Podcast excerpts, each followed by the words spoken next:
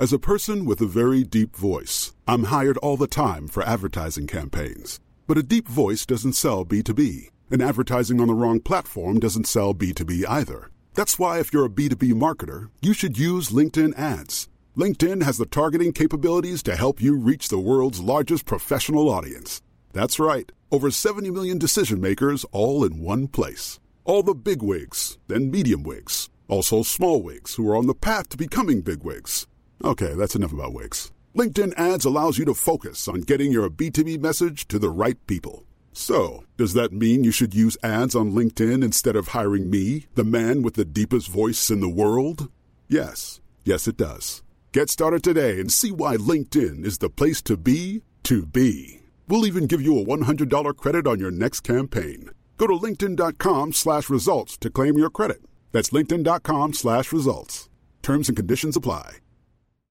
Botox Cosmetic, out of botulinum toxin A, FDA approved for over 20 years. So, talk to your specialist to see if Botox Cosmetic is right for you. For full prescribing information, including boxed warning, visit BotoxCosmetic.com or call 877-351-0300. Remember to ask for Botox Cosmetic by name. To see for yourself and learn more, visit BotoxCosmetic.com. That's BotoxCosmetic.com.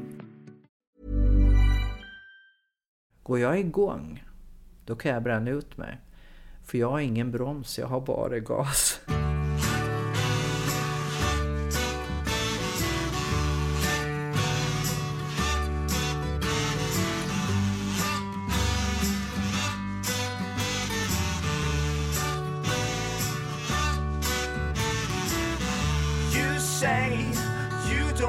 Talk about it. You may rather be choking on it today, whether you like it or not. The words come stumbling out. The next stop's where I get off. Hej och välkomna till avsnitt 18 av veckans samtal. Idag tillsammans med Babben Larsson. För er som inte har hundra koll på vem Babben är så kan jag berätta att Babben är komiker och har även arbetat en hel del med TV. Vi kommer att prata om hennes nuvarande program som heter Stjärnorna hos Babben som går på fredagar klockan 8 på SVT. Jag märkte i efterhand att den förklaringen eventuellt var lite luddig i avsnittet, men då vet ni det i alla fall. Vi kommer även att prata om Norra Brunn och för er som inte bor i Stockholm eller inte vet vad Norra Brunn är så kan jag berätta att det är alltså en gammal och välkänd ståuppklubb i Vasastan här i Stockholm. Jag är för övrigt just hemkommen ifrån eh, Los Angeles där jag hann med att spela in ett avsnitt tillsammans med Hollywoodfrun Maria Montazami. Och ni är en del personer som har undrat när det avsnittet kommer att läggas ut och jag kommer alltså att publicera det den 15 maj så hoppas att ni lyssnar då. Lite andra nyheter är att jag i sommar kommer att göra några sommarspecialavsnitt vilket innebär att jag bjuder tillbaka ett par gamla gäster och tillägnar den personen några avsnitt. Avsnitten kommer att vara lite kortare men läggas ut varje fredag som vanligt. Nytt för dagens avsnitt är att jag har en sponsor med mig, vilket gläder mig något oerhört.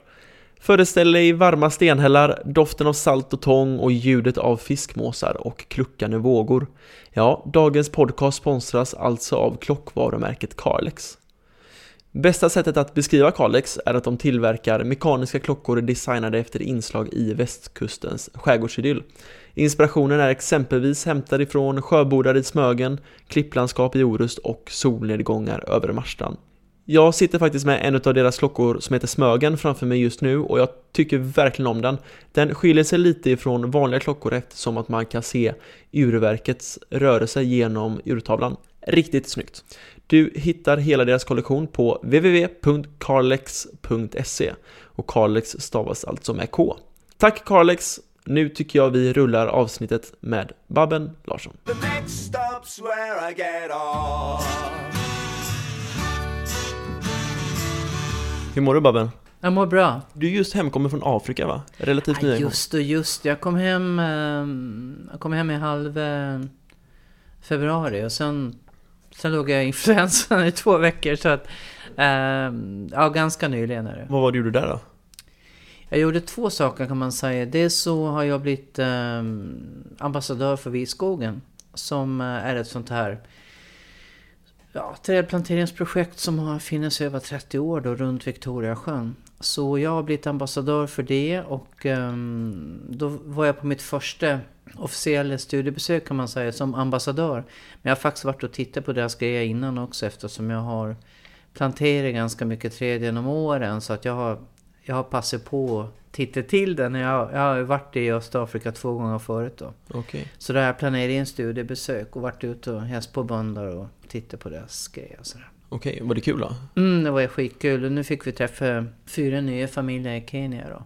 Och prata med dem och framförallt prata jag med kvinnorna och eh, hur de har haft det innan och vilken skillnad det blir när de tillämpar de här metoderna då som de får lära sig av i skogen. Och blanda liksom träd och, och det övriga som de odlar, det blir en helt annan grej. Så det är häftigt. Så dels var det det och sen så var det mer avkoppling. Sitta i eh, nationalparker och titta på djur. Och Ja, gud vad skönt. skit, skitskönt. Ja. Jag har hört eh, på omväg att det är väldigt många komiker som är nere i Afrika just nu. Som typ, eh, eh, tror om det var Kodjo Soran Ismail i alla fall. Mm. Är det någonting för Musikhjälpen, vet du det? Nej men Kodjo har ju rötter i Afrika så det är väl inte så farfetched. Men jag tror han är från, eller han har ursprung från Ghana tror jag. Mm.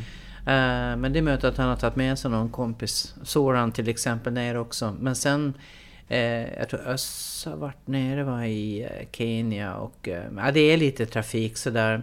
Ehm, jag tror många åker på Asien och Thailand och Malaysia och Vietnam och sådär. Men jag är mycket mer Afrika och det är säkert inte bara jag. Utan vi är väl ett gäng som, som gillar Afrika. Mm. Jag har aldrig, jag bara, eller jag har ju varit i Afrika, jag har varit i eh, Egypten. Mm. Men vad är det som är så, så speciellt med Afrika tycker du? Ja, Afrika då, alltså som jag räknar med, det som är Sub-Sahara då. Eh, det är ju vårt ursprung och jag tycker det känns när man tittar på bilder och när man är där liksom att det, det är något... eh, det slår an någonting i mig som jag inte riktigt kan förklara som är djupare än, än kanske om jag tittar på bilder från Prag eller London. Eh, så eh, jag vet inte vad man ska tro om reinkarnation men eh, om, det, om det är så, vilket jag kanske tror, då tror jag att jag har bott en hel del i Afrika tidigare. Ja, det, det känns så. så. jag kommer hem. Ja, Och jag sticker ut som fan och liksom det Ja, är, det är så. inte egentligen... Ja men det är klart. Eh, En vit kvinna liksom sticka ut i Ja. Kenya, så är det ju bara. Du är ju inte normen precis. Nej. Utan du blir ju särbehandlad negativt. Så du Ja, det är så. Ja, ja. Muzungu price. ja okej. På marknaden överallt om du inte har med dig någon, Omvänd någon rasism. kenyan. Ja, visst är det det. Och Oj. det är väl också rätt nyttigt att man får känna på det liksom. Att du blir särbehandlad negativt på din hudfärg. Jag menar, det är ju det som väldigt många råkar ut för här. Så Ja, det, det, är- det är lika bra. Det är liksom bara att... Okej, nu är jag inte hemma. Så Ja, är det exakt. bara. Vad kan det vara för någonting, typ? Nej men just att, eh, att eh, folk hugger när det inte är eh, prismärkt. Det är mycket det då. Eller försöka på olika sätt få en att betala noten eller... Ja, det är lite sån där tendens att du är mozungo så att du har pengar. Okej. Ja, och även ganska välbeställda kenyaner kan köra det här racet på restaurang och sådär. Okej, ja men visst jag kan plocka upp noten men det är lite sådär...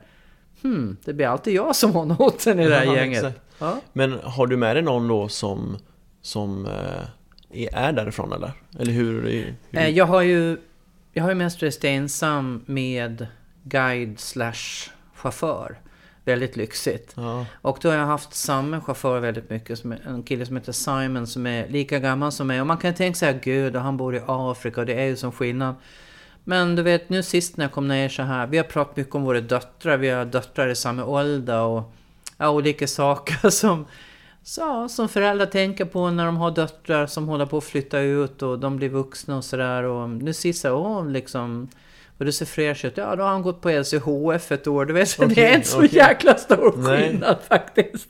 Det, jag tycker det är rätt skönt liksom, för det är så lätt att tänka att "Åh, de sitter i en hydd och äter ris Ja, liksom. exakt. Nej, de, det, vi lever ganska lika liv, vi som har lite pengar i alla fall på Ja. det här jordklotet. Det är inte så jäkla stor skillnad. nej. Det är ju en helt annan grej såklart för dem. Det är ju rätt många också i Kenya som ligger runt fattigdomsgränsen. Och det är ju ett, det är ett annat liv såklart. Men, eh, men för de som är medelklassen så är det ungefär samma stuk. Men i och med att jag har haft honom med mig då och han är kenyan och dessutom fick jag reda på nu före detta polis. Och det märks nästan när han tar sig fram. För han, liksom, han har en naturlig auktoritet och han, det är ing- ingen som muckar med han. Nej. Och säger han någonting då är det det som gäller. Det har jag märkt när vi är ute och åker. Så Okej. det, det känns väldigt bra att åka runt och han, han är också väldigt kunnig guide. Ja, det är klart. Och sen var jag nu åkte också lite med Ann Olivecron och hon har ju bott där nere i ah, 35-40 år tror jag. Och jobbat och pratat jättebra swahili. Det, det, det känns så svårt att prata swahili. Swahilin är skitsvår. Det är liksom som att det är bara några få moduler och de sätts ihop på olika sätt.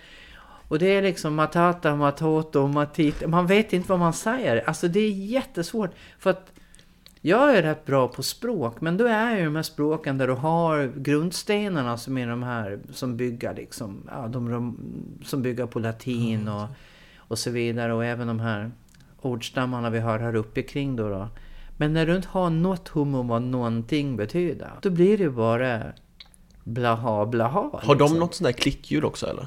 Nej, inte. Det är längre ner. Det är Xhosa. Okej. Fast det ska jag inte nu ta det som ett klick. Okej. Jag var ju gig i Sydafrika förra året.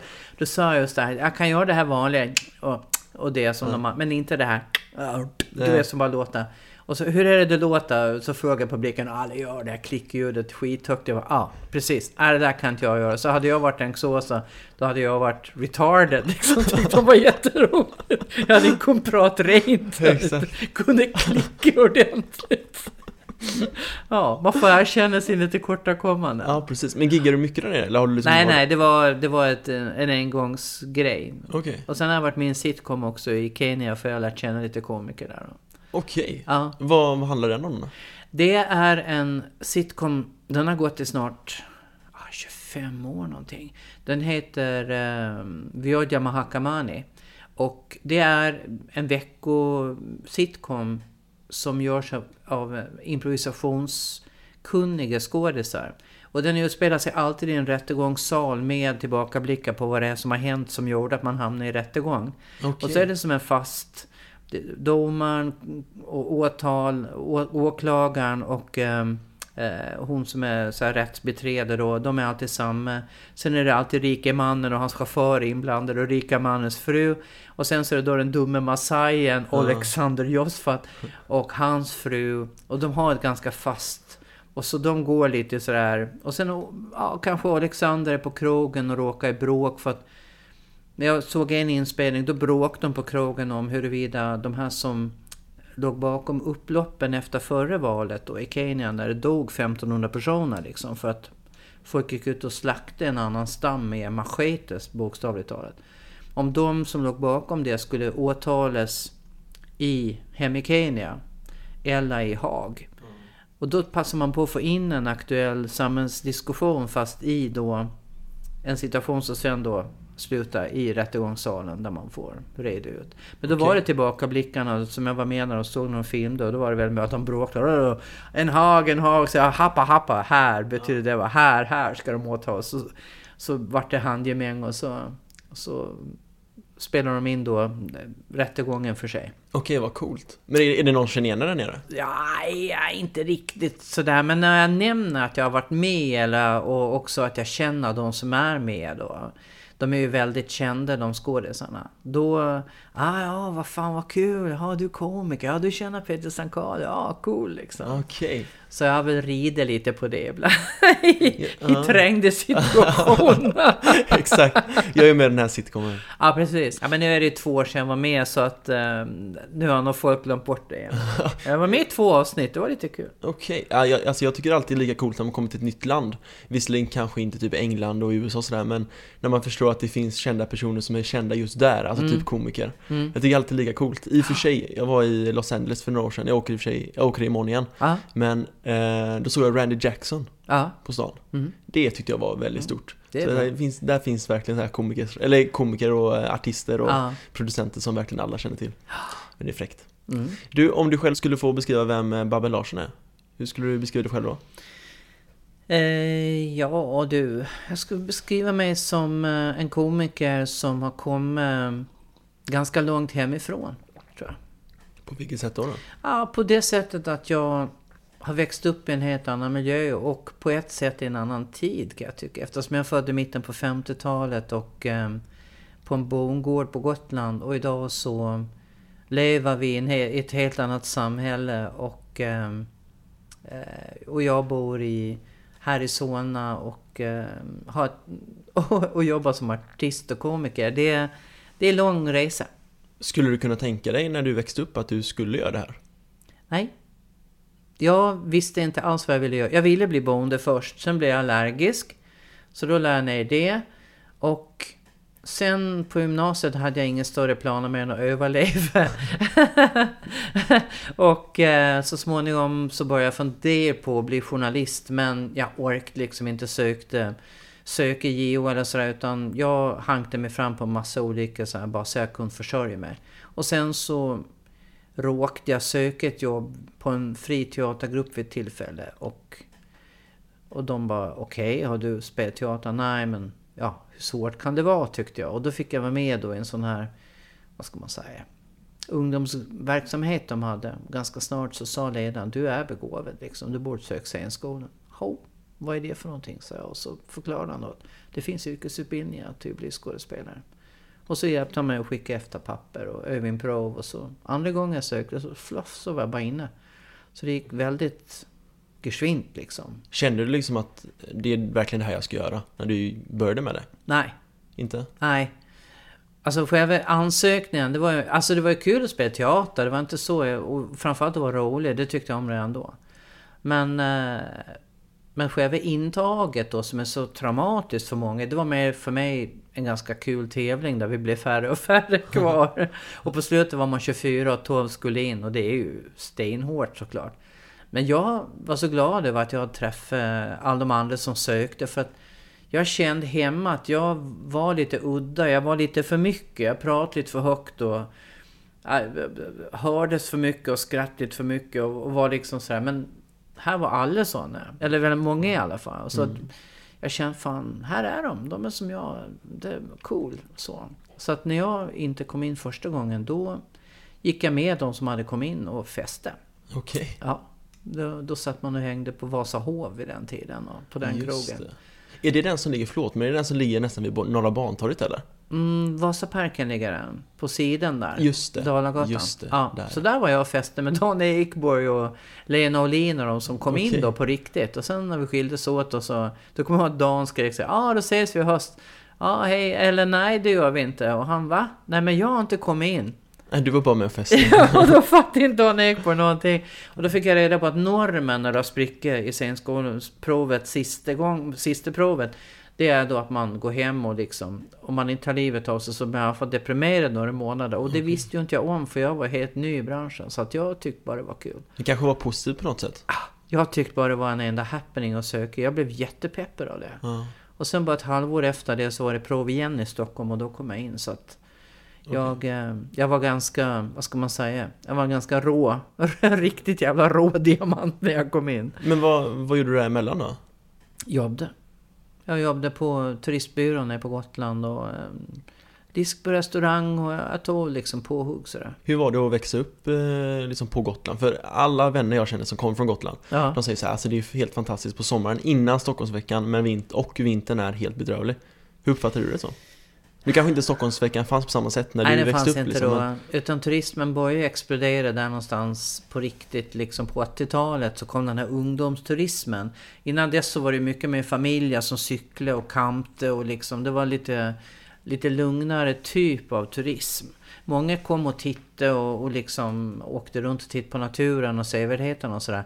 Men det här att man åker till Visby och festar, det, det har varit de senaste 25-30 åren kanske. Men... Men hur tycker man att det är liksom? Hur tycker du det nu att folk åker dit och liksom super när du ska kanske hem och ha det Nej men jag trevligt? åker inte hem under den perioden. Jag åker ner eh, med mitten av augusti. Alltså någon vecka in i augusti åker jag ner. Då är det medeltidsvecka men jag behöver inte vara i stan liksom.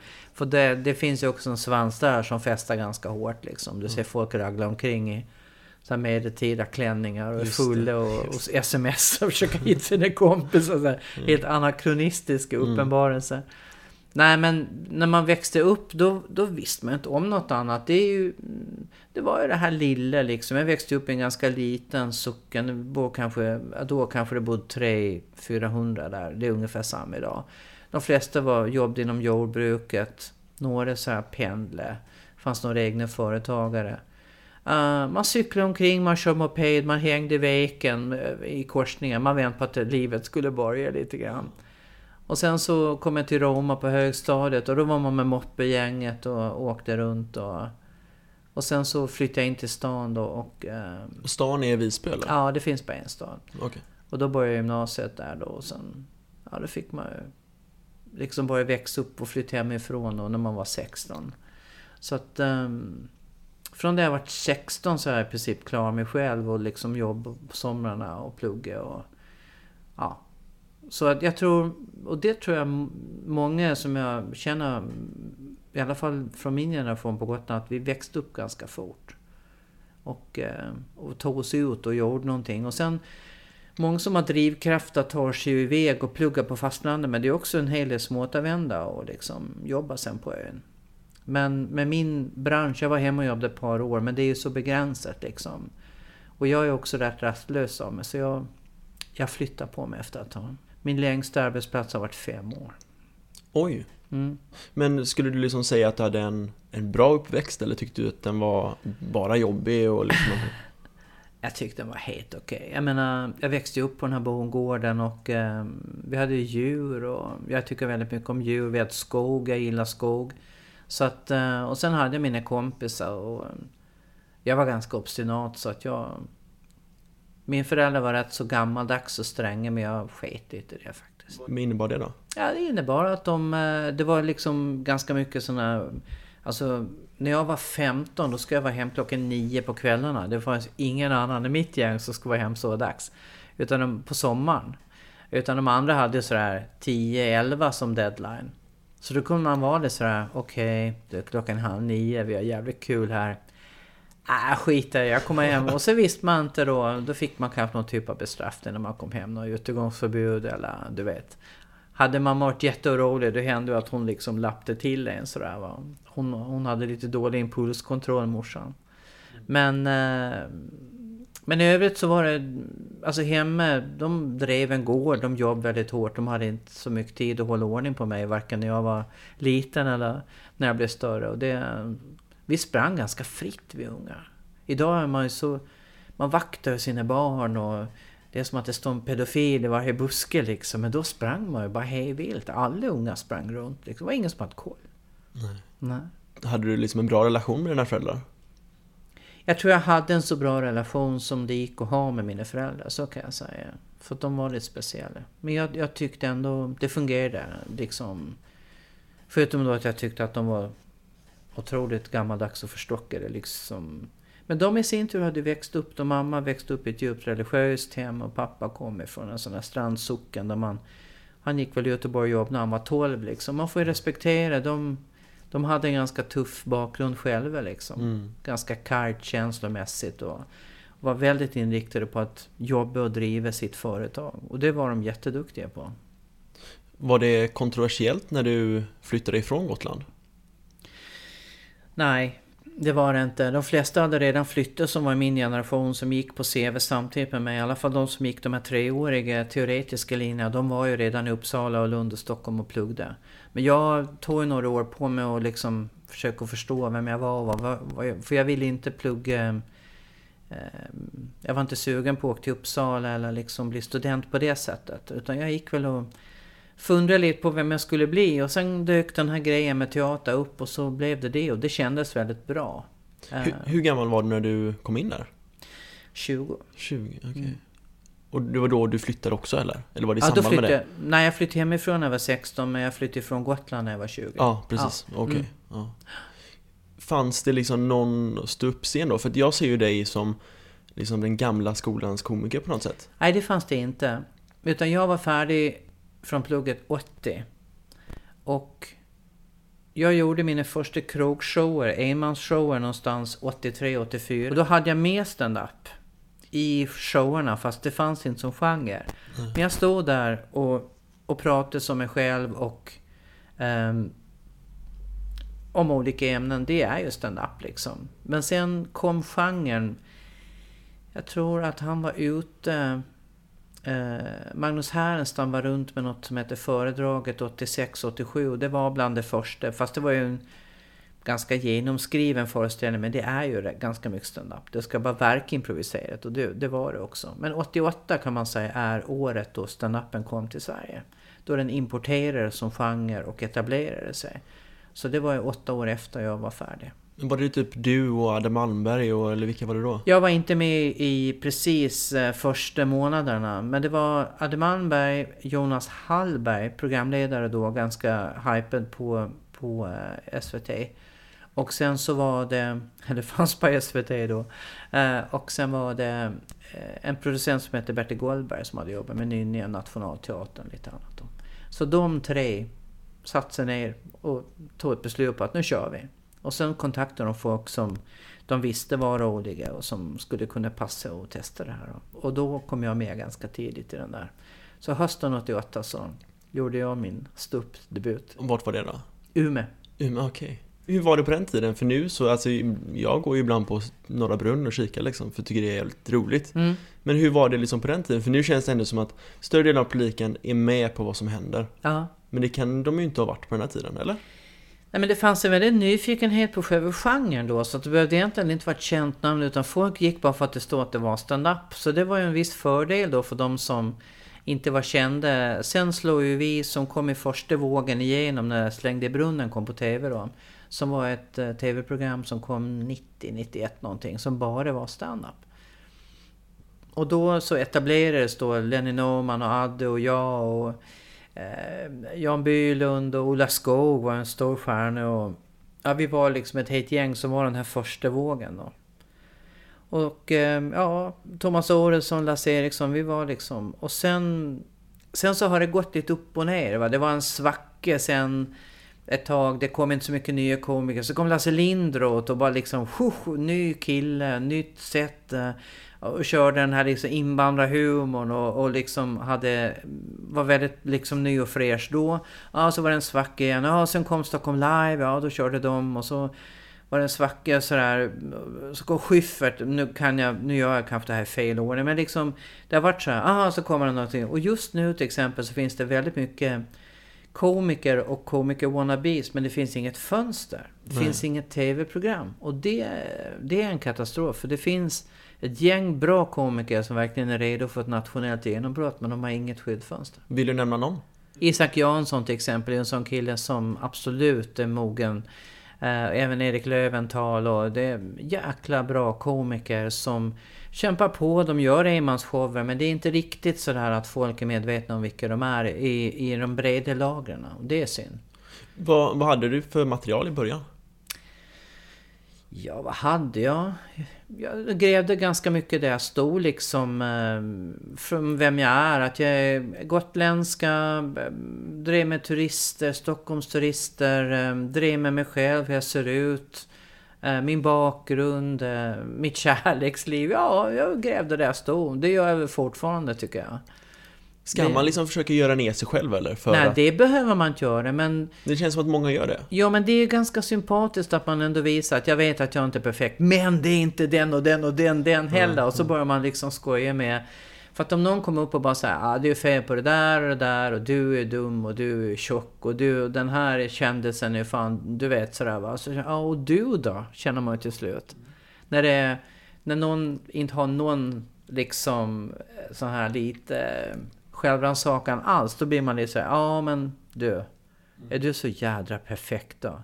Då är det bättre, det, det blir mer sympati tycker jag om någon då säger liksom ah, Ja, jag kämpar med det här och jag får ingen tjej eller jag, har ju si och så liksom. Men. Ja, exakt. Men det, är, det där är intressant tycker jag. Jag var även och såg Messiah Hallberg, han är ju raka motsatsen. Mm. Han ska, för de som inte vet vem man är så, han framställer ju sig själv som att vara överklass i Stockholms innerstad och just det. sådär. Ja. Varför funkar det då? Men han har ju nästan som en figur. Så jag tror folk liksom fattar att det där är så uttaget så att det där är inte riktigt, riktigt sant. Men det funkar ändå därför att han är väldigt skicklig. Han är ju duktig liksom. Men... Eh, Men han är ju nästan på gränsen till utklädd och stylad faktiskt när han kör stand-up. Och egentligen så... Eh, men eh, det funkar. Och då kan man säga att inte går göra så, för då gör det det. Ja, exakt. Eh, I avsnitt 10 av podden så var Hasse Brontén här. Ja. Och vi pratade lite om hur ett skämt är uppbyggt. Mm. Och det där det känns väldigt intressant och spännande för att det känns som att många tänker lite olika på det där. Mm. Hur tänker du på hur det är uppbyggt? Kan liksom vad som helst bli roligt? Ja, det kan det. Hur då? Eller?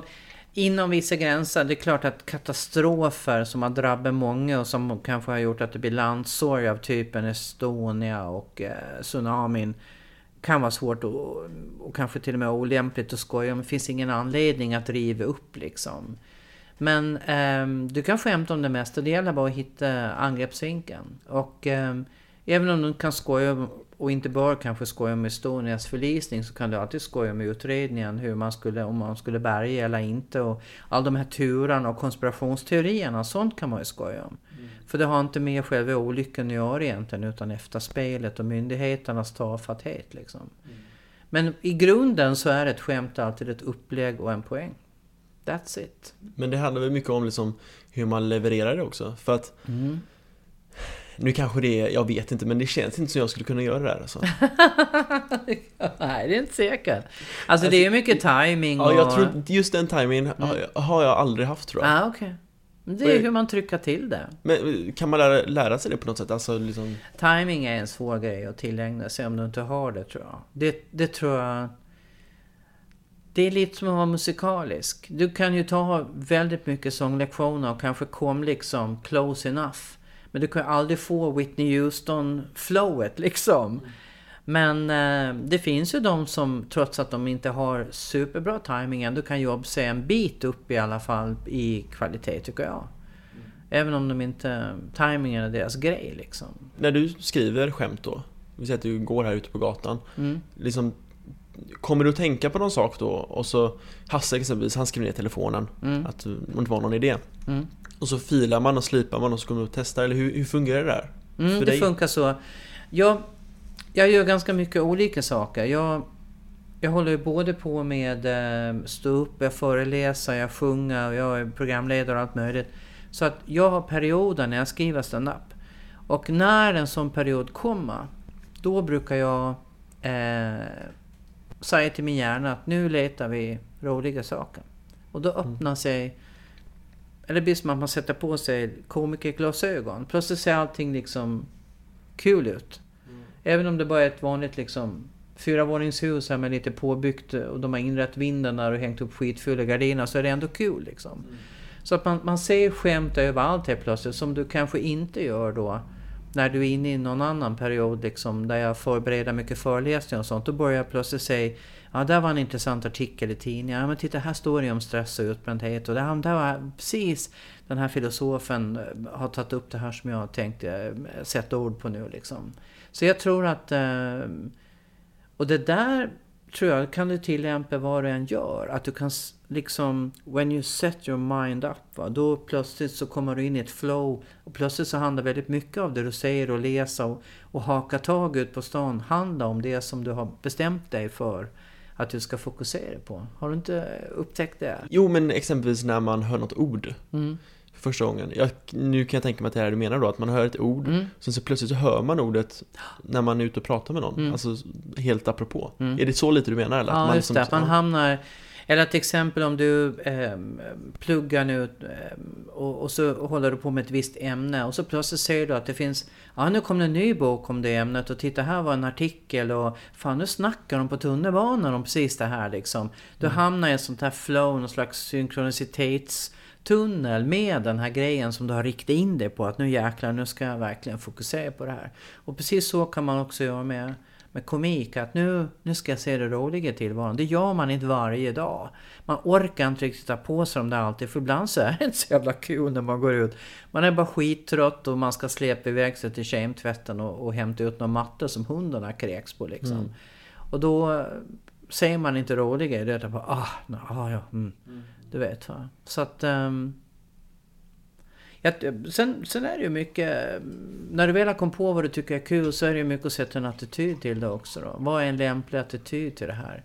Eh, är det att gå med det här och tycka att det här är skitbra med den här miljöförstöringen? Eller ska jag ta den förväntade vinkeln att jag är emot den? Eller ska jag uppmuntra folk att smutsa ner mer och se vad som är... Alltså, du vet, sen, sen gäller det att börja klura på från vilken vinkel du ska anfalla liksom. Ja. Så du har bytet men du kretsar runt och liksom så här, testar lite olika så här och sen plötsligt bara så, nej men jag tar det.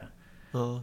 Ja, det, det är väldigt intressant det där för att och så ska det ju märkas också, eller det ska ju kännas som att ni går upp och bara pratar såklart. Ja. Men det är ett sånt otroligt hantverk bakom. Mm. i- Just med det du pratar om nu. Mm. Ibland så när jag är på stand-up så tycker jag det är intressant om man tänker att ah, nu kommer han eller hon dit Mm. i det här materialet. Ja. Men så tar det en, vändning Mm. och sen kanske till och med tillbaka en gång till. Att, det, Mm. blir- att man Mm. liksom lurar igen lite.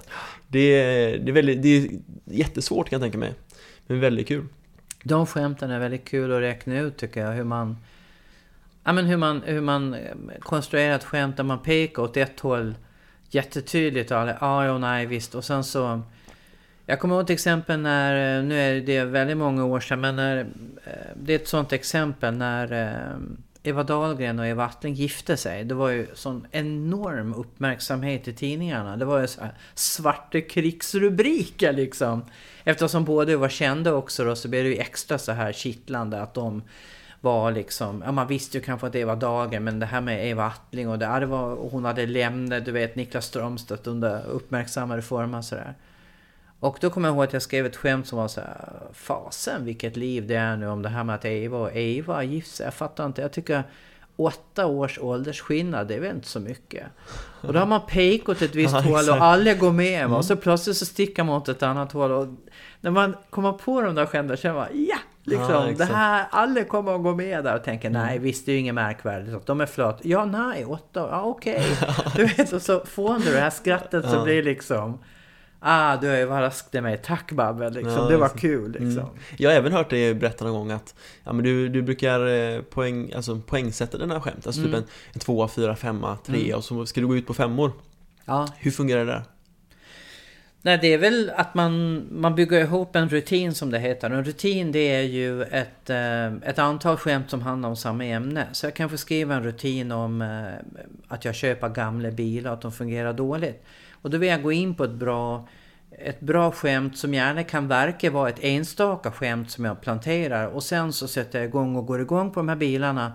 Och då vill jag ha starka skämt i början. Sen kanske jag puttrar runt lite så här på tvåor och treor och någon fyra och sticka hit och dit. Men så vill jag gärna gå ut på den starkaste jag har. Och det är liksom... Och i fortsättningen så tänker jag... Du vet, och så kommer det någon så här payoff som, eh, som är den starkaste i hela gänget. Då. Det, det känns bra. För då har du ett skratt och ligger och glittrar på liksom tills du går in på nästa grej som då, där du börjar från noll igen. Då. Så att eh, jag tänker lite så. Det är ju som en dram dramaturgisk kurva kan man säga. Ungefär som ja, en pjäs eller en musikal eller vad som helst. Att det kulminerar fast i det lilla då. Bara det här lilla ämnesområdet kan du också tänka topografiskt hur det ska gå upp och ner. Men finns det utrymme för att improvisera däremellan också på något sätt? Självklart. Det finns det. Och hur, hur kan det te sig då? Nej, men det kan te sig att du får någon mothugg eller du frågar, ehm, gamla bilar de går, eller hur? Ja, ja, hade. Och så kommer det något Ja. och då får du ta hand om det såklart. Du kan inte bara använda publiken för, som bollplank. Du gör ju en del så här va. Mår ni bra? Nej, säger någon. Nej, vad synd. Alltså, så har de ingenting på det. Det är självklart så kommer någon svara nej någon gång. Ja, exakt. Du vet, man, man tar sådana här retoriska frågor. Eller man tar micken och tittar ner i golvet och säger ja, ah, kul att vara här. Verkar inte speciellt trovärdigt. Nej. Nej. Men det där känns, det känns som att eh, just, ni kallar det för häcklare, sådana som kanske liksom munhugger i publiken. Mm. Ja. Det känns som att svenska komiker inte uppskattar det på samma sätt som utländska. Stämmer det? Eller är det bara liksom någon författad mening som jag har? Jag tror vi har, vi är mer vana att jobba i fred. Vi har inte så mycket häcklare. Men har du en häcklare så piggar det ju upp om den är användbar. Den kan ju också vara väldigt, väldigt elak och gå in för att sabotera. Eller så full att den inte är användbar. En del är ju så, som jag kallar det då. Alltså du kan kasta skit på den men den fattar inte för den är för full. Äh, det är... Du vet, det bara blir... Okej. Och så säger den så här... "Äh, äh." Och det är inte använd för att försöka bara störa ut och liksom jobba förbi då. Men har du någon som kastar upp något kul det, det måste man uppskatta. Det, det, då studsar ju. Det är liksom... Ja, och så blir du lite så här, ja, kom på något nu då. Säg Mm, något liksom, svar något där. Men så, så där, jag tror jag kan relatera på något sätt och det är väl typ när man Om man ska föreläsa om någonting i skolan, eller ja, om man ska Mm. ha en presentation Mm. Om man är väldigt påläst på sitt, jag kallar det material då Mm. Men sen så kanske det kommer en fråga mitt uppe i allt Om man är påläst på sitt material Då är det ju roligt att få den Ja, frågan, det. få den Mm. lilla ehm, breaket i Mm. Och det livar ju upp i det här att du har stått och pratat jättelänge. Mm. Ja fast hur händer med klimatet om det där händer? Mm, det finns uträkningar på det och eh, jag läste precis det här materialet och så känner man yes, det här Mm. kan jag liksom. Jag, jag parerar det här, det är inget problem för jag vet vad jag snackar om liksom. Ni har ju ett annat begrepp som heter bombning, alltså man bombar, Mm. man bombar eh, ett sätt exempelvis Att det går käpprätt Mm. Och jag var, inga namn nämnda, men jag var med om en sån eh, På Norra Brunn, jag var kolla på Asse Okej. Och det var jobbigt för mig och Mm. deras vägnar Mm. Hur, eh, det var inte Hasse som bombade då kan Nej, vi säga nej han brukar var, inte bomba. Nej, utan det bra. var de tidigare Ja. Men hur hanterar du det? Eller det har ju förmodligen hänt någon gång liksom att man...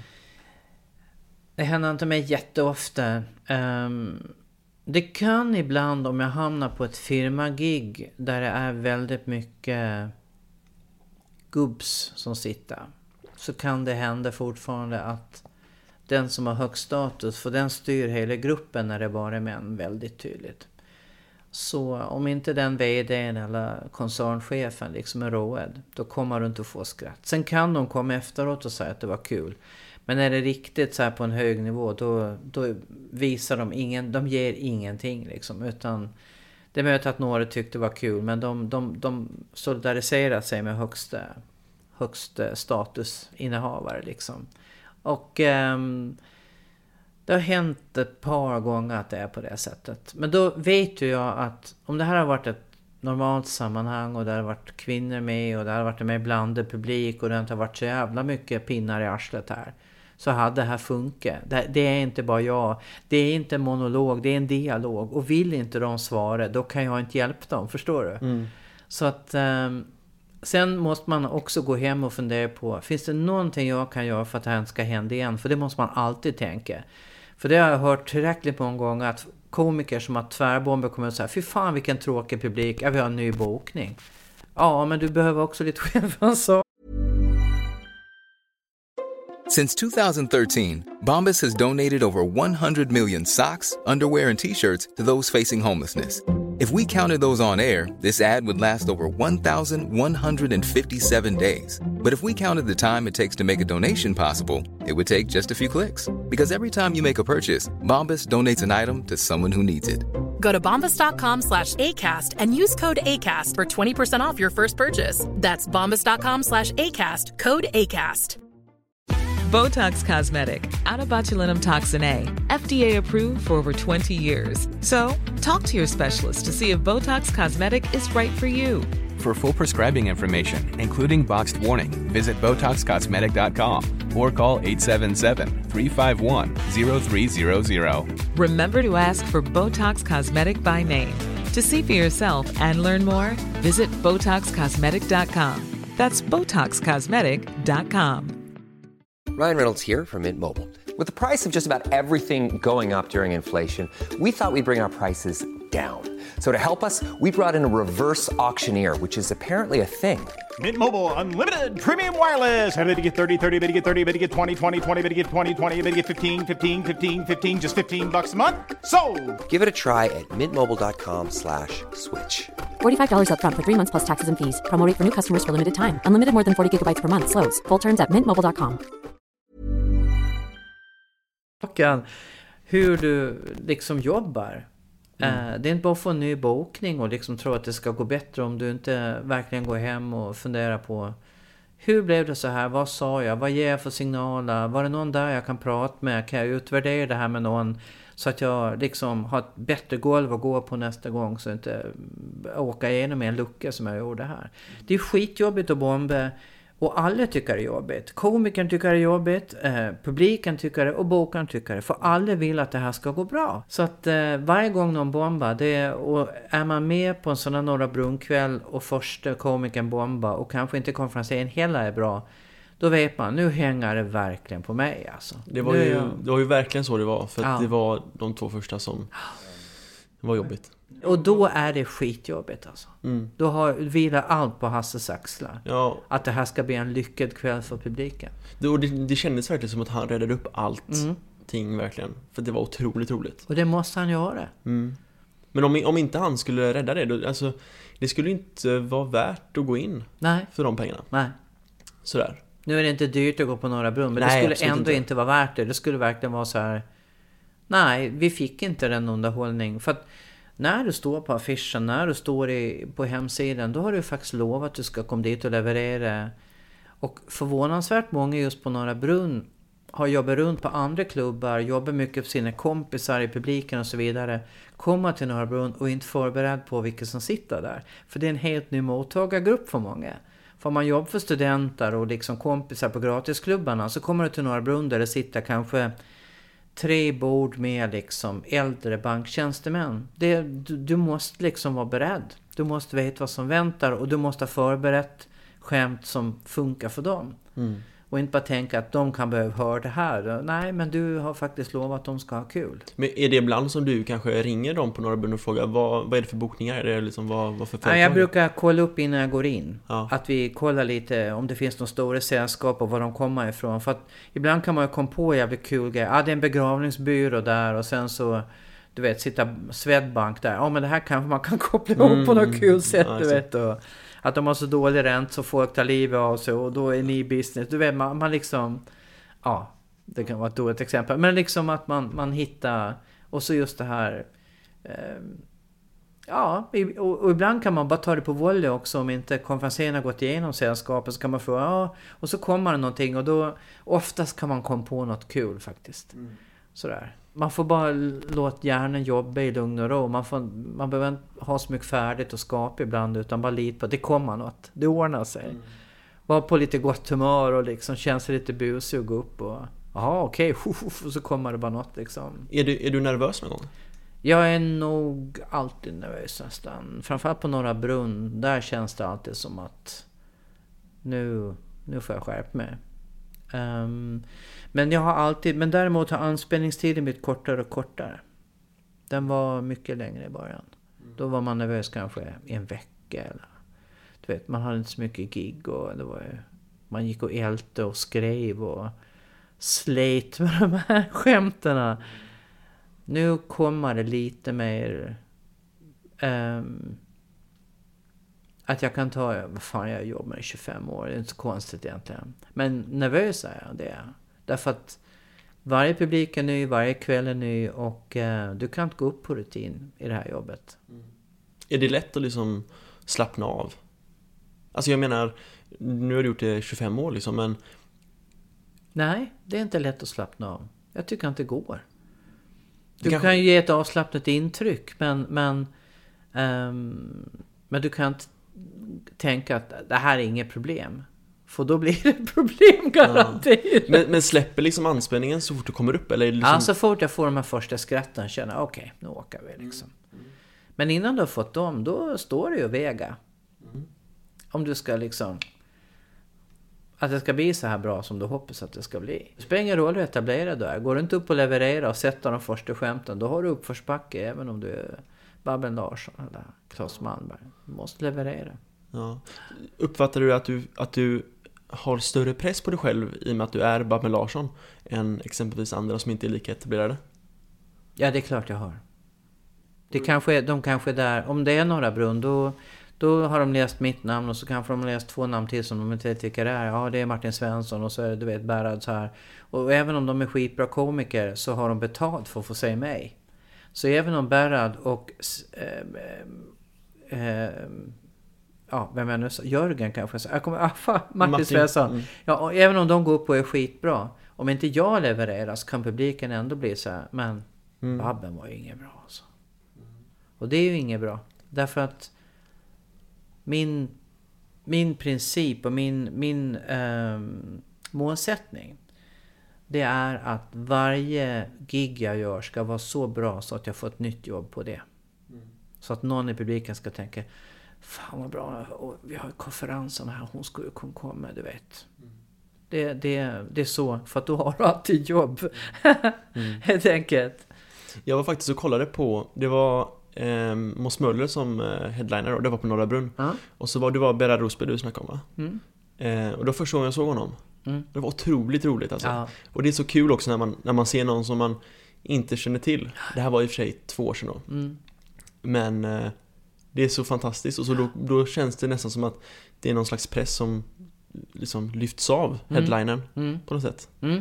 Och han var i och för sig, alltså Måns var ju också jätterolig men Ja. det, är- så det är så otroligt roligt. Mm.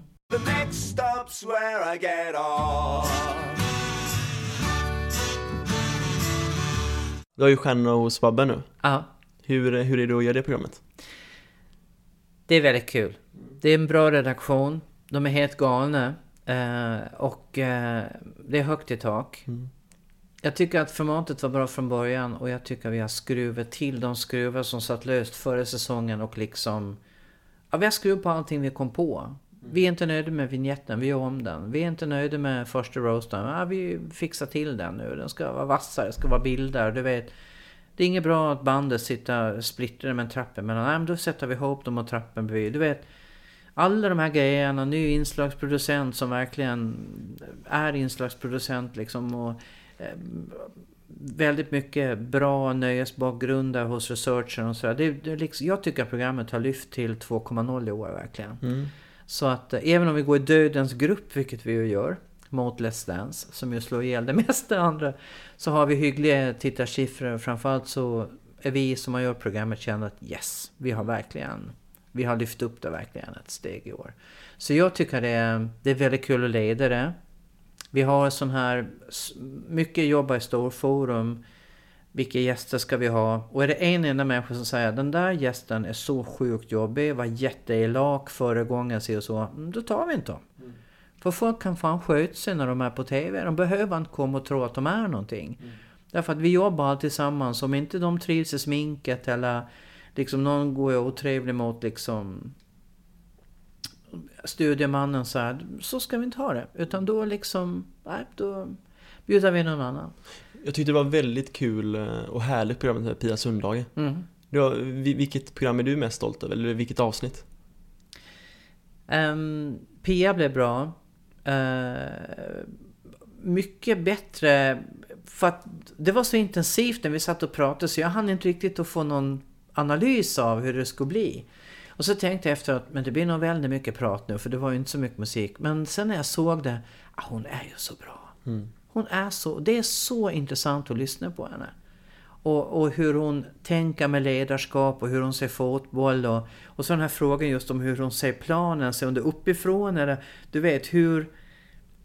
För att liksom, det där det är en fråga som jag ville ställa till Zlatan men han kommer ju aldrig att bli intervjuad så då tänker jag, "Ja, men då ställer jag den till henne istället. Hur ser hon på det här? För det är något jag har tänkt på, hur fotbollsspelare ser. Ser de sig själva som ett dataspel när de springer liksom på en plan? Och hur de andra ligger? Eller hur, hur är det? Och det, det sa hon ju att det var faktiskt det vi så att man man kollar positionerna fast uppifrån samtidigt som man springer liksom nere på planen. Ehm, jag tycker Måns program är väldigt avspänt och bra. Vi var på turné då, han och jag. Så vi umgicks liksom väldigt mycket. Vi spelade Word Feud, jag slog honom i quizkampen och han var, han var skitsur på mig, han är dålig förlorare. Och sen tyckte jag att den här utmaningen vi hade, där han skulle spela tennis mot en av sina bästa vänner, Jonas Björkman. Där Jonas Björkman hade en stekpanna. Tycker jag är en så sjukt rolig grej. Så att bara vi hade en, för vi visste att de hade gått en sån där match tidigare och då hade han slått han sådär med 7-0 eller någonting. Så det här var ju en revansch då. Men bara det här att det står en världsstjärna, du vet, på baslinjen med stekpanna. För mig så är det så sjukt roligt. Och så det här ljudet, så här kock. han, han slår till bollen med det. Ja, jag, jag vet inte, det kanske var jag i Sverige som tyckte det var roligast, men jag tyckte det var Nej, det var väldigt roligt. Det var sjukt roligt tyckte jag. Jag uppskattar ju att det är det här liksom Kanske det är lite utan några övriga jämförelser men som jag försöker göra med podden kanske att det ska vara ganska avslappnat. Mm. Men det känns ju väldigt, väldigt avslappnat, Mm. ditt program. Mm. Och det känns liksom som att det är det är lite humor, det är lite seriositet Mm. och sen så det, du går liksom fram och tillbaka hela tiden. Mm. Ligger någon idé bakom det eller? Nej men det är väl kanske, ja men det gör det väl eh, såklart. Vi vill ju inte bara skrapa på ytan utan om det har varit någonting som, som där vi känner att det finns någonting att lära av det eller att, att mm, ja vi hör mer om hur, hur för jag försöker ställa frågorna där jag inte riktigt, för att man sitter, det vet du själv när man intervjuar, man har läst in sjukt mycket research, man sitter ju på den. Och före, före omgången, då låg dessutom frågorna insprängda i intervjun. Så att då, ah, okej, och nu frågar jag det här och då får jag det svaret och då kan jag styra det så då kommer jag osökt in på den här frågan som en poäng. Men nu- har vi skilt det åt verkligen, så det är sex frågor och sen är det intervjuer runt omkring. Och då kan den ta vägen vart den vill. Och då kan jag ställa de här frågorna som inte är ja vad gjorde du 1997 på Globen? Utan mer ja, 97 på Globen så debuterade du. Men vad hände sen? Eller hur kändes det? Vad, vad, eh, du vet, så att jag kan gå ett steg till med någonting som tar avstamp i researchen men som jag inte vet än och som jag är nyfiken på. För det blir bättre TV. Mm. Det där uppfattar jag att många gör utan att jag säger att jag gör bättre men alltså att många har sina frågor och följer dem slaviskt oavsett vad personen Och det är helt sjukt Fråga. att man inte, inte ens Skavlan följer upp. Han får världens grejer liksom av gästerna. Han bara Ja, eh, och där är ju också gift. Och så man liksom... Du fick precis liksom en statshemlighet här serverad och du tog inte ens upp paketet liksom. Och det, det där, det är inget bra. Eller också har han ställt följdfrågor med det bortklipp för det blev... Men, men det blir konstigt att de inte ställer sig till i programmet tycker jag. Mm. Men jag tycker det är väldigt mycket så. Mm. Alltså att man saknar... Eh... Närvaro. Mm. En närvarande utfrågare. Mm. Du måste vara, när, du måste vara där. Du måste ju fånga upp det, den boll du får. Mm. Och inte, ja så ställer jag där, då kommer jag få den där bollen och då kan jag gå vidare med det här. Mm. Nej, och det är ofta det jag tycker, om jag återigen bara kopplar till mig själv och det jag, att man, att det är ofta det som blir bra, tycker jag i alla fall. Mm. Att det är när man, när man släpper ja, manus eller vad man Mm, säger. mm. Det är då det, jag tycker det blir bra och intressant. mm. På något sätt, när man har ett samtal. Annars Ja. så känns det ganska plastigt oftast. Sådär. Men vill du ha liksom den variationer för att stimulera dig på något sätt också? Att göra liksom lite stand-up, lite programlederi, lite konferencier och sådär? Jag tror att jag är sån att jag, jag, blir, ju, jag blir ju fort uttråkad. Så att eh, det är nog därför jag liksom bredde mig hela tiden. För när jag bara körde stand-up de första tio åren, sen gick jag in i väggen. Det, det var en massa annat också som bidrog. Jag jobbade väldigt hårt och åkte mycket och sådär. Men, men bland annat så var det också det att jag, jag tog det så långt jag verkligen kunde och så hade jag premiär på en ny show i Stockholm. Så fick jag en recension av en väldigt kunnig recensent som har sett jättemycket standup. Ja, roligare än så här blir det inte. Och då tappade jag totalt motivationen. Och han bekräftade någonting som jag redan hade känt att just nu kan jag inte utveckla mig i den här genren längre än det här är mitt bästa och nu ligger jag på min högsta nivå här. Och det enda jag kan göra nu det är att ligga och förvalta den. Och förvaltning, det är inte min grej. Mm. Då vill jag utveckla något nytt hellre. Så att då liksom åkte jag till England och, och började liksom jobba där. Och så småningom så insåg jag bara att i grunden så var jag faktiskt utarbetad och eh, var tvungen att sluta stå upp i sju år och göra andra saker. Det här var slutet av 90-talet va? Ja, det var det. Hur påverkar det dig framöver? Ja, det påverkade mig på det att det var en sorg, tycker jag. Att du har någonting som du har jobbat fram och du är skitbra på det och så förvaltar du inte det bättre än att du är tvungen att lägga av. Det var fan sorgligt alltså. Att jag kände att det, det här är min identitet mycket mer än att jag är skådis. Så komiker, det är min grej liksom. Och så har jag jobbat och jag har jobbat upp mig själv och det har blivit... Och jag har liksom verkligen tillägnat mig hantverket. Och så får jag bara hålla mig undan för att jag har kört för hårt. Nej, det var, det var ett nederlag kan jag säga. Det var, det var en, en, del, en del i den här, i alla fall i den så att säga själsliga rehabiliteringen. Det var att smälta att jag hade förstört något som egentligen var så, en sån bra grej för mig. Eh, och som jag var så duktig på. Och så hade jag sabbat det liksom, så jag inte kunde jobba med det. Det var hårt att hacka i sig. Hur hanterar du det då? då? Nej men jag fick ju... ehm, jag började ju igen 2005 då. Jag hade sju års uppehåll. Och då var jag väldigt försiktig. För då hade jag också precis bara något år innan varit nära vägen igen. Fast då med hundsport. Och då började liksom polletten ramla ner. Det spelar ingen roll vad jag gör. Går jag igång, då kan jag bränna ut mig.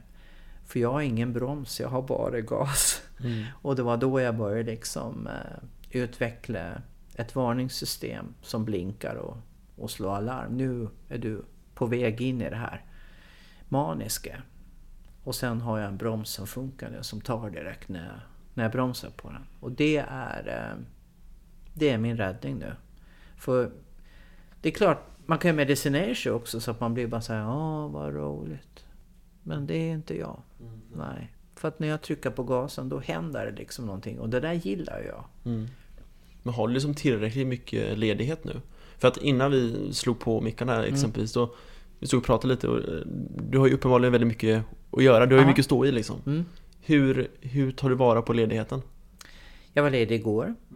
Då stack jag ut på landet. Jag har köpt ett... eh, Jag har ju hus på Gotland då ihop med min syra. Men det är lite långt att åka dit. Så därför... När vi sålde, vi sålde gården när mamma gick bort för några år sedan nu då, på Gotland. Så investerade jag faktiskt de pengarna i ett hus bara 40 minuter härifrån. Då åker jag ut dit och bara gå in genom grinden där och komma in i trädgården så ramlar liksom axlarna ner så blir jag lugn. Och där ute har jag inget bredband och inget, ingen telefon och jag har ingen, eh, ingen eh, dator eller någonting. Utan jag, har en, jag kan sitta med surfplattan med, dit sådär till nöds men verkligen sådär, det är tyst, det är liksom jag har den här trädgården, jag kan gå och plocka kvistar och klippa ner perenner och du vet och, och så sitter jag in och så läser jag och det, det är sånt där som jag inte... Jag blir lugn. Jag sover jättebra där.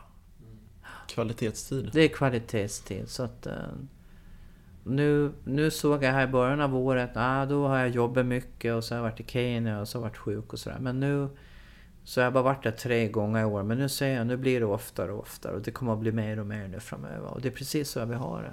Är det något slags resultat av att du har varit ute på klubbarna och varit i liksom offentligheten och blir igenkänd och sådär? Också att du vill liksom komma ifrån på något sätt? Jag tror det. Och det här ökar och minskar väldigt mycket med hur du är med på TV. Så nu när jag är på TV varje vecka, då ökar ju direkt igenkännheten och att folk kommer fram och pratar. Och, och alla är väldigt positiva och glada och, och tackar och sådär.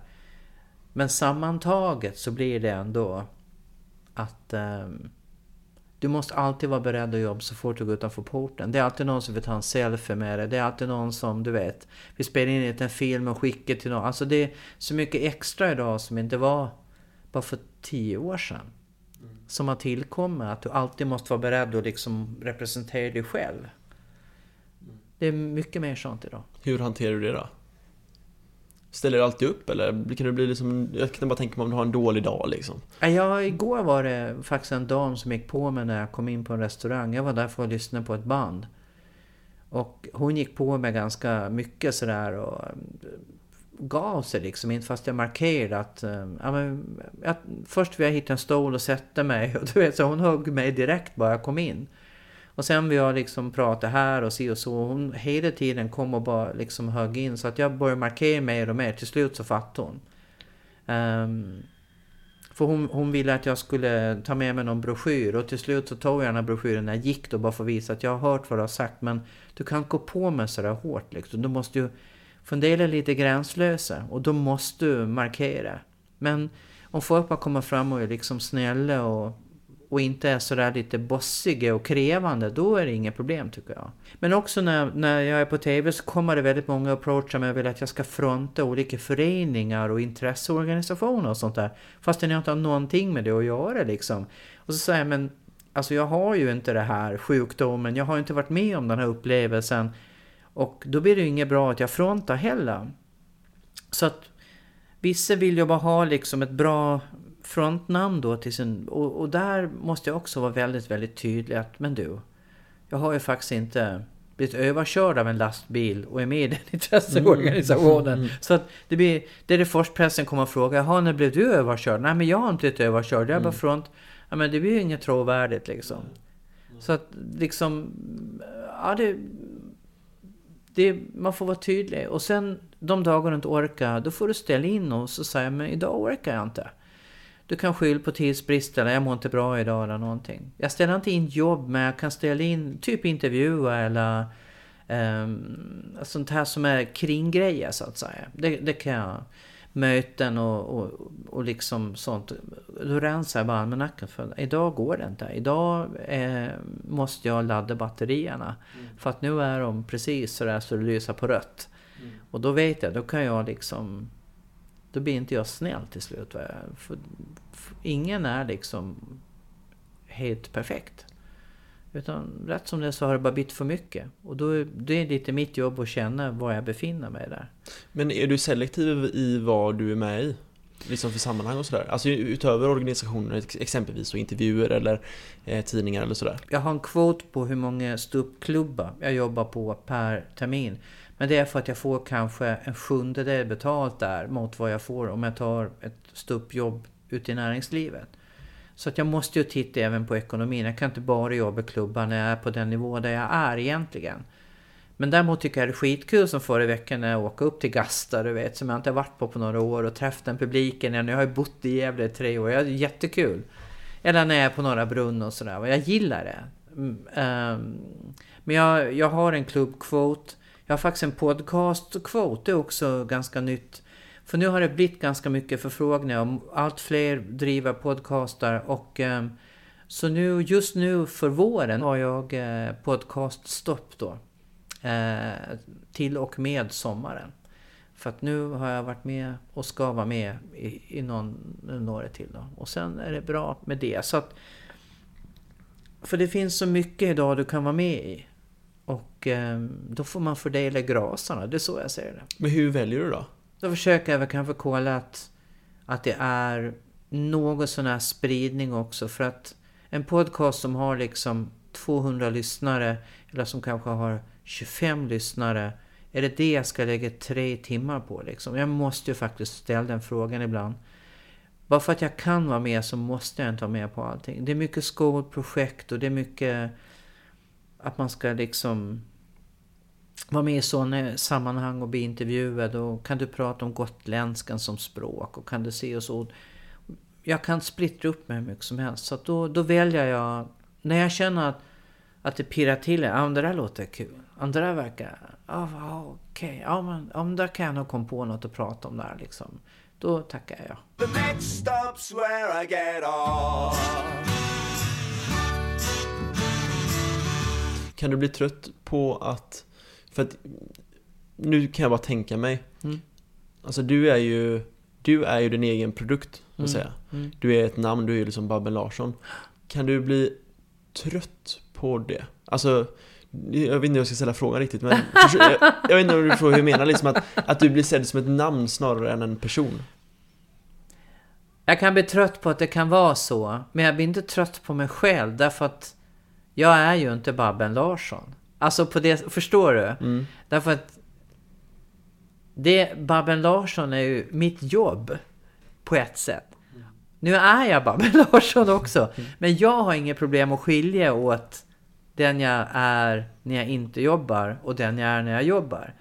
Men idag har det ju blivit så att så fort jag går utanför dörren så jobbar jag. På ett sätt. Jag representerar mig själv. Jag måste liksom... Även om jag själv inte är på väg till ett jobb eller jobbar så måste jag inse att alla andra tycker att nu är jag Babben Larsson. jag kan inte komma undan det. Och det kan jag ibland känna, det är det som suger ibland, när man är trött. Men jag kan bara gå hem då och bli Barbro Larsson. Och eh, behöver inte göra ett jävla skit. Jag kan bara sitta hemma och dra på mig ett par liksom, pyjamasbyxor och, och sappa på TVn eller sitta och hänga på YouTube resten av dagen. Så att liksom... Vad är den största skillnaden mellan Barbro och Babben? Ah, det är svårt att säga. Det är nog en känsla med er faktiskt att jag tror ändå att det finns en, en vaksamhet och en awareness liksom när jag är ute. Att, att jag vet att jag har ögonen på mig. Och att jag kan bara släppa det när jag kommer hem. Och att det är väldigt skönt. Och så också när jag kommer ut på landet, då skiter jag i det. Så här. Jag kan tänka mig att en av de främsta liksom, fördelarna med att ha ett namn är ju just eh, enmansföreställningarna som har kommit upp väldigt mycket nu som Mm. jag tycker är väldigt rolig, en ro, kul utveckling att man Mm. kan gå och kolla på en eller eventuellt två personer då som Mm. liksom pratar och som kör stand-up. Hur tycker du att den utvecklingen är? För jag vet att du också har haft din eh, föreställning. Nej, jag tror att den är ganska naturlig. Den, den kommer ur två saker tror jag. Dels så var det ju att um, när du blir riktigt duktig så vill du göra en egen helafton. Du känner att då kan du fördjupa dig på ett annat sätt. Du behöver inte bara stå och vara rolig. Du kan också bli mer dramaturgisk och låta kurvan gå lite upp och ner. Och du kanske har andra historier. Och det har ju visat sig att alla har ju det. det du har med en allvarligare botten och då behöver du ha den spacen. För det är inte riktigt det som folk förväntar sig när de går på Norra Brunn. Och det, ska, det, det är ju helt i sin ordning. Utan då får du ta den där tiden då du gör en hel afton liksom. Och så kommer du ner till slut i det där. Och sen är det det här. Min son är sjuk. Eller min pappa var, hade den här liksom diagnosen. Och det var skitjobbigt för mig. Och det blev så här. Så kan man skoja om det men man förstår också att det här är smärtsamt liksom. Och det är på riktigt. Och det tycker jag, det är en jäkla styrka för att stuppen gör ju att vi är ganska bra som kommunikatörer. Och kan vi då dessutom prata om någonting som verkligen griper tag. Det är ju upplevelseindustri vi jobbar med. Så då, det blir ju en extra dimension tycker jag i upplevelsen när du börjar känna, oh shit liksom, det griper tag i det verkligen på riktigt. Det är inte bara skratt utan det är också, oh, jädrar alltså. Jag tycker det är coolt när liksom man hör att det blir helt knäpptyst. Mm. Och sen kanske till och med att det kommer ett skratt ganska tätt in. Alltså så här, Ja. det Men det är väl ganska nytt, är det inte det? Ja, det är ganska nytt. Och jag tror också att det hänger ihop med den andra saken. Och det är att det kom en enorm lågkonjunktur 2008. Och företagen har inte riktigt köpt stand-up på det sätt de gjorde innan. De har dragit in på underhållningen och de försöker kanske mer ha tänkvärd underhållning med, med liksom lite managementkonsulter som är underhållande eller någonting sånt. Eller har de dragit in på det helt för att det inte är läge att slösa på liksom pengarna på saker som inte går till produktionen. Det var väldigt mycket att det började liksom verkligen explodera då. Att eh, för firmagiggen försvann, det gick ner väldigt tydligt ett tag. Har du några planer på att sätta upp en ny föreställning? Inte just nu. Eh, vad hände gick ju skitbra men det är liksom det är bara ett och ett halvt år sedan jag la ner den så att eh, det, jag måste vara med om lite först. Har någonting att förmedla? jo, nej men jag ska ut faktiskt på en turné i höst som jag tycker ska bli skitkul som ett tema. Men det kommer att bli en ståuppturné då. Med min ståupp som jag har för dagen. Och det är att eh, jag har en Sverigekarta hemma där jag har satt en nål över att jag har. Och sen har jag haft den här planen ganska länge. Jag vill fylla den där kartan. Jag vill ha varit överallt i de här samhällena som är över, du vet, 15 20 000 invånare. Så att nu har jag suttit och liksom inventerat alla de orterna. Och skrivit ner dem. Och i höst sätter vi igång med de första sju landskapen. Och jobbar en vecka i taget liksom. Ett landskap är litet så där spiller det över på ett annat. Men så li- ligger jag där och spelar liksom i de först, fyra största orterna där jag inte redan har varit då. Okej. Och, eh, och jag tycker det ska bli så jäkla kul turné. Coolt projekt ändå. Mm. Och det är också det här för att när jag var ute med Vad hände? Då kom vi inte ens in på Växjö konserthus för det är så sjukt jävla fullbokat. Det är föreläsare, det är komiker och det är musikartister. Alla är ute för att du måste ut och hämta pengarna idag. Du kan inte sitta på ditt arsle som musikartist, sälja inga skivor. Och Spotify får du bara liksom en shred av vad du får om du säljer hela skivan. Så du måste ut och sälja varje skiva med din namnteckning för hand till publiken. Eh, komikerna är ute just därför att de har egna föreställningar för att även då företagsvärlden liksom inte köpa lika mycket underhållning. Och då började jag tänka så här, men var är folk inte? Och så kom jag och jag har den här kartan, fan det här är ju en idé liksom. Så nu håller vi på liksom och, och ehm, ehm, jag tror att turnén kommer att heta Här kommer Babben. och sen ska vi göra någon kul affisch på det där man kan fylla i liksom ordsnamn. Stor Uman liksom. Så här, här kommer Babben. Okej, ja. Du vet va. Och så jag, för jag har ju växt upp på ett litet ställe själv, så för mig så finns det inget liksom skrämmande eller avstånds så här att det är något jobbigt att jag kommer till en mindre ort. Jag tycker att det är ganska kul för att det är precis så jag har växt upp själv. Så eh, jag, jag tycker det ska bli skitkul ute. Jag kommer att få se så mycket lokala och samhällen som jag aldrig har sett. Och Ja, det, exakt. tycker jag, det tycker jag ska bli jätteroligt. Nu kanske det är lite dumt att fråga men liksom blir man, blir man rik på att göra en, en, liksom, en enmansföreställning? Om den går bra blir du, så ge, genererar det bra med pengar. Jag menar, är du, är du i Schyfferts och eh, Fredrik Lindströms liga, då, då blir du ju mångmiljonär. De- Ljust och fräscht. Ja, de kör ju liksom på arenor. Eh, vilket jag kanske kan tycka kvalitativ Eh, synpunkt inte är det optimala. Det tycker inte jag. Jag tycker att konserthus eller en teater någonstans mellan 500 och 900 personer är egentligen idealet. Det går att jobba i större lokaler men det blir, det blir en annan sort som inte jag tycker är lika rolig. Det blir, jag vill verkligen kommunicera.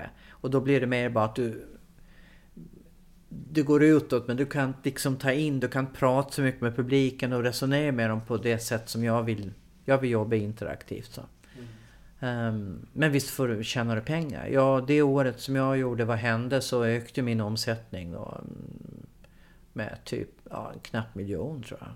Någonting sånt. Så att ehm, ja, den var lönsam. Nu är det här, den här kommande turnén är ju lite annorlunda för nu är det ju inte storstäder och stora konserthus. Här är det mer Folkets hus, bygdegårdar och eh, ja, mindre teatrar då. Men jag kommer å andra sidan vara ensam för då hade jag med mig 10 personer. Nu kommer jag vara själv med en turnéledare så det kommer fortfarande liksom att eh, gå ihop sig lugnt ekonomiskt om, om det bara kommer liksom. Så att vi, vi får folk. Men vad gör du av pengarna? Alltså, eh, återinvesterar de på något sätt eller sparar du dem eller vad? Jag är jättedålig på att göra av med pengar. Ehm, jag har sparat väldigt mycket av mitt överskott som företaget genererar har jag investerat i pensioner, i fonder. Som jag förvaltar sådär lite med vänster hand. Jag går in sådär varannan månad och kollar, är det plus eller minus? Nej, fan är det minus? Jaha, det är den där fonden? Ja, naturligtvis. Och så byter jag den. Jag är oerhört oengagerad. Men det har funkat ändå. Ehm, och sen vet jag inte riktigt, kommer jag gå i pension och när ska det bli? Och du vet, för att just nu så upplever jag att jag fortfarande är på väg liksom framåt med full fart. Jag har ingen sådär planer på alls att retirera på något vis. Jobba något mindre för att jag ska liksom vara mer ledig, det är en sak. Men, men inte liksom sluta generera nya projekt och sådär. Men sen vet jag har väldigt få, du kanske har någon bra idé. Vad gör man? Alltså jag är ju student. Jag vet. Eh, men Men jag- om jag hade pengar, vad skulle du göra då? Ja, du skulle kunna åka med mig till Los Angeles imorgon. Och, och köra lite stand-up där. Ja, ska jag kunna göra. Nej men resa är kul alltid. Ja. Det älskar jag i alla fall. Mm. Men annars, jag tycker också det är svårt. Man köper mat, Mm. kan köpa en klocka. Jag har ingen klocka. Jag använder inte klocka. Gör du inte det? Nej, har jag det... sparat mycket pengar genom åren, må du tro. Ja, det är så. Jag kan ju köpa, köpa en sån här Mont Blanc-penna för 125 000. Kan köpa 10 sådana kanske. Har inte Adam Alsing en sån? Säkert. Mm. Du vet, framförallt män, de håller på med så mycket statusmarkörer hela tiden och mäter sig med varandra.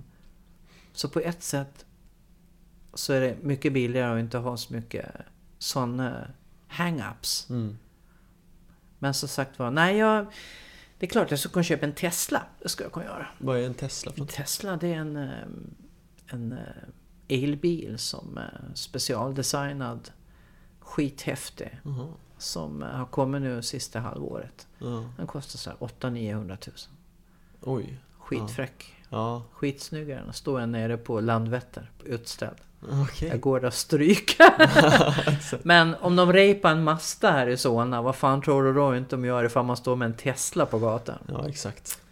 Nej. Däremot eh, bostad är alltid, eh, alltid bra att komma på nu. Mm. Spara till. Men Det är sant. så. Men jag har ju min lägenhet. Mm. Och så har jag mitt hus. Mm. Och så har jag en halvstuga på Gotland. Mm. Och en lägenhet i Visby. Jag är tung på fastigheten. Du är nästan lika många som Zlatan ju. Ja, ja. ja, ja, nej, ja. Babben, vad skulle du vilja göra mer av? Mm, sjunga musik. Konserter, det, är- det är jäkligt kul att hålla på med musik. Jag har ju en, en stark liksom musiker i mig som pockar på att... Eh, sen är inte jag världsbäst på det, men liksom jag mår väldigt bra av att få hålla på med musik. Jag gillar att hänga med musiker, jag trivs i det sammanhanget liksom. Musiker och komiker är väldigt avspända. Ja, det blir oftast väldigt kul snack om man liksom sitter och bollar. Jag, kan tycka är väldigt mysigt med de här efterhängen liksom. Mm. Mm. Du sjunger både på gotländska och på rikssvenska va? Ja, det stämmer. Mm. Tänker du själv på det eller? Jag brukar bestämma när jag skriver texterna om det ska vara svenska eller om det ska vara gotländska. Det, det är lite olika vad som passar tycker jag. Ja. Och det där kan jag känna lite när jag läser faktiskt eh, Sonja Åkessons poesi också. Hon är ju gotlänning. Jag kan nästan känna när hon har skrivit mer på svenska och när hon har skrivit på gotländska. För hon bytte ju också. Jag är ju tvåspråkig i svenskan tack vare scenskolan då. Så jag kan ju byta så här mitt i en mening. Men Ja, Du är ju väldigt duktig på dialekter. mm, ja, ja. Ja, Jag hörde dig nyligen prata eh, göteborgska. Ja, men Som jag- jag tycker, jag är ganska såhär, när typ stockholmare försöker prata, det låter ju bedrövligt. Ja, men jag har bott i Göteborg i fem år. Jo men ändå, jag har ju bott här i tre år. Jag, eh, jag kan ju prata så här okej stockholmska, men det låter ju Mm. bedrövligt också.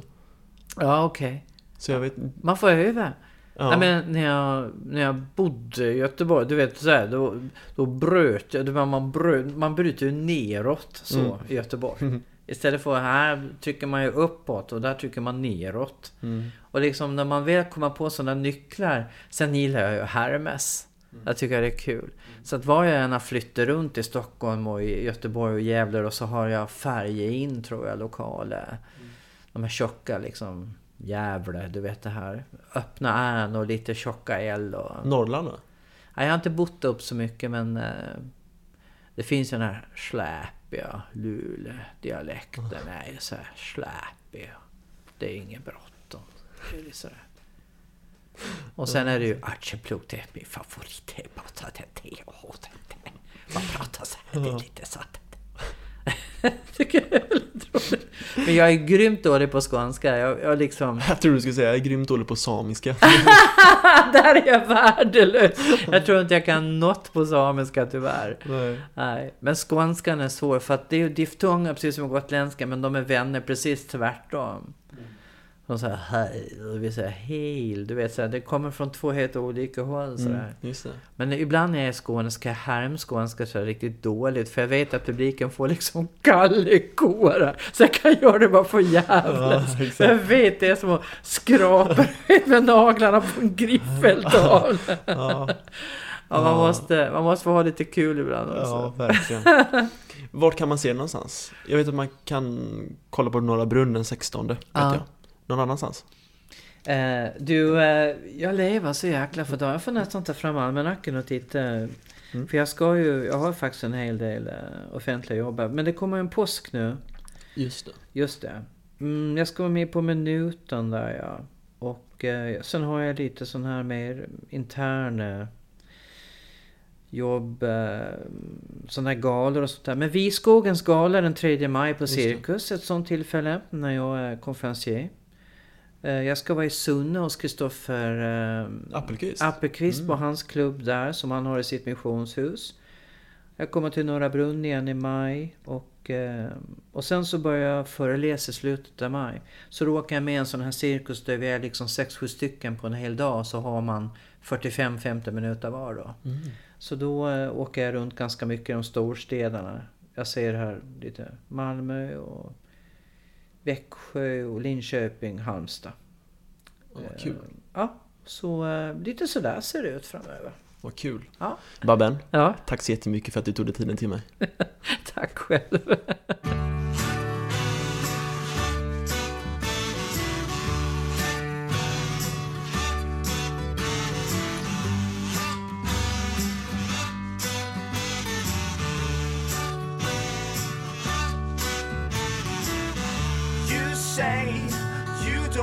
talk about it. You may rather be choking on it today, whether you like it or not. The words come stumbling out. The next stop's where I get off.